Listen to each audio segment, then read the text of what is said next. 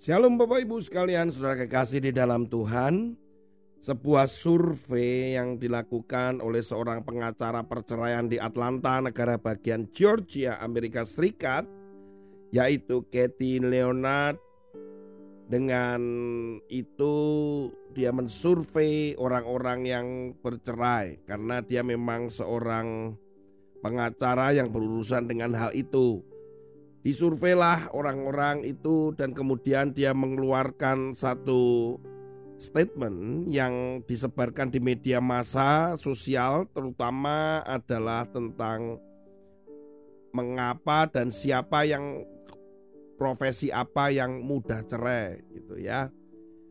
Melalui media sosial TikTok itu akhirnya muncullah keresahan karena hasil penelitian itu dipaparkan.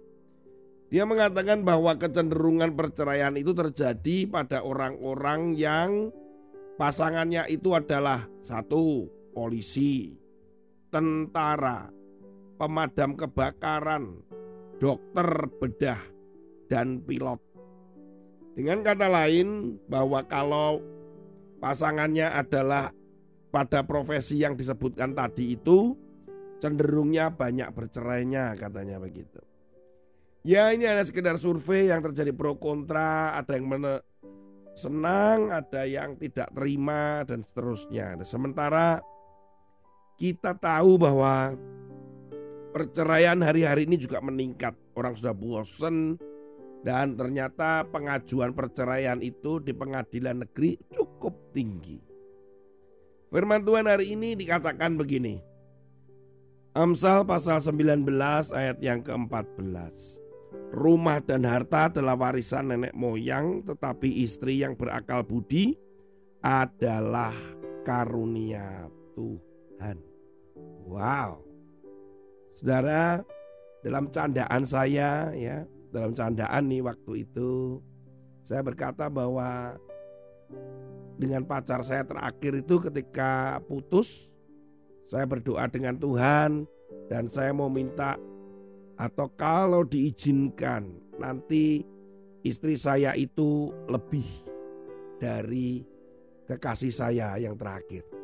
Lebih saya bilang gitu. Wah bener loh saudara. Lebih pintar. Lebih rajin. Lebih tegas. Satu lagi. Lebih berat badannya. itu kadang guyonannya begitu ya. Candaan-candaan.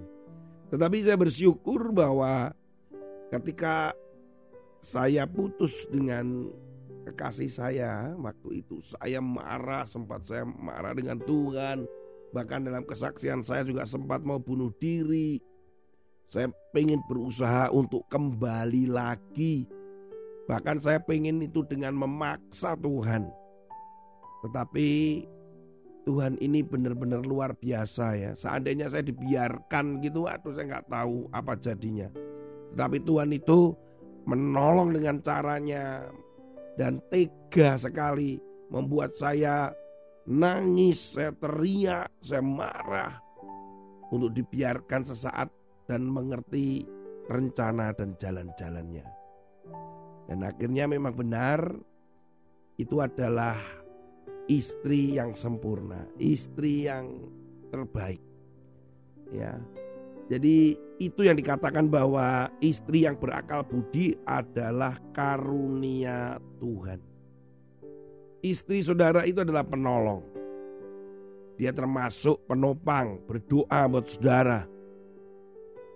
Dia yang mengatur memanage keuangan kalau di rumah kami ya saudara.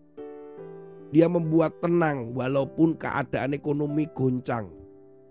Dia seolah-olah tidak terjadi apa-apa dengan sangat tenang walaupun tidak punya uang. Dia selalu menenangkan saya ketika saya tegang menghadapi berbagai tagihan ini dan itu. Dan dia berkata harus dihadapi. Istri saya ini berakal budi ini benar-benar dari Tuhan. Sudah kekasih di dalam Tuhan percayalah istrimu itu dari Tuhan. Suamimu itu juga dari Tuhan. Saudara jangan melihat kejelekannya. Wah nggak bisa apa kalau dari Tuhan begini, kalau dari Tuhan begitu. Tetapi ketika engkau dipersatukan oleh Allah, percayalah bahwa Tuhan sudah memberkati saudara dan Tuhan sedang membentuk saudara. Kalau cuma maharta pun itu habis dimakan ngengat, bisa habis ditelan api.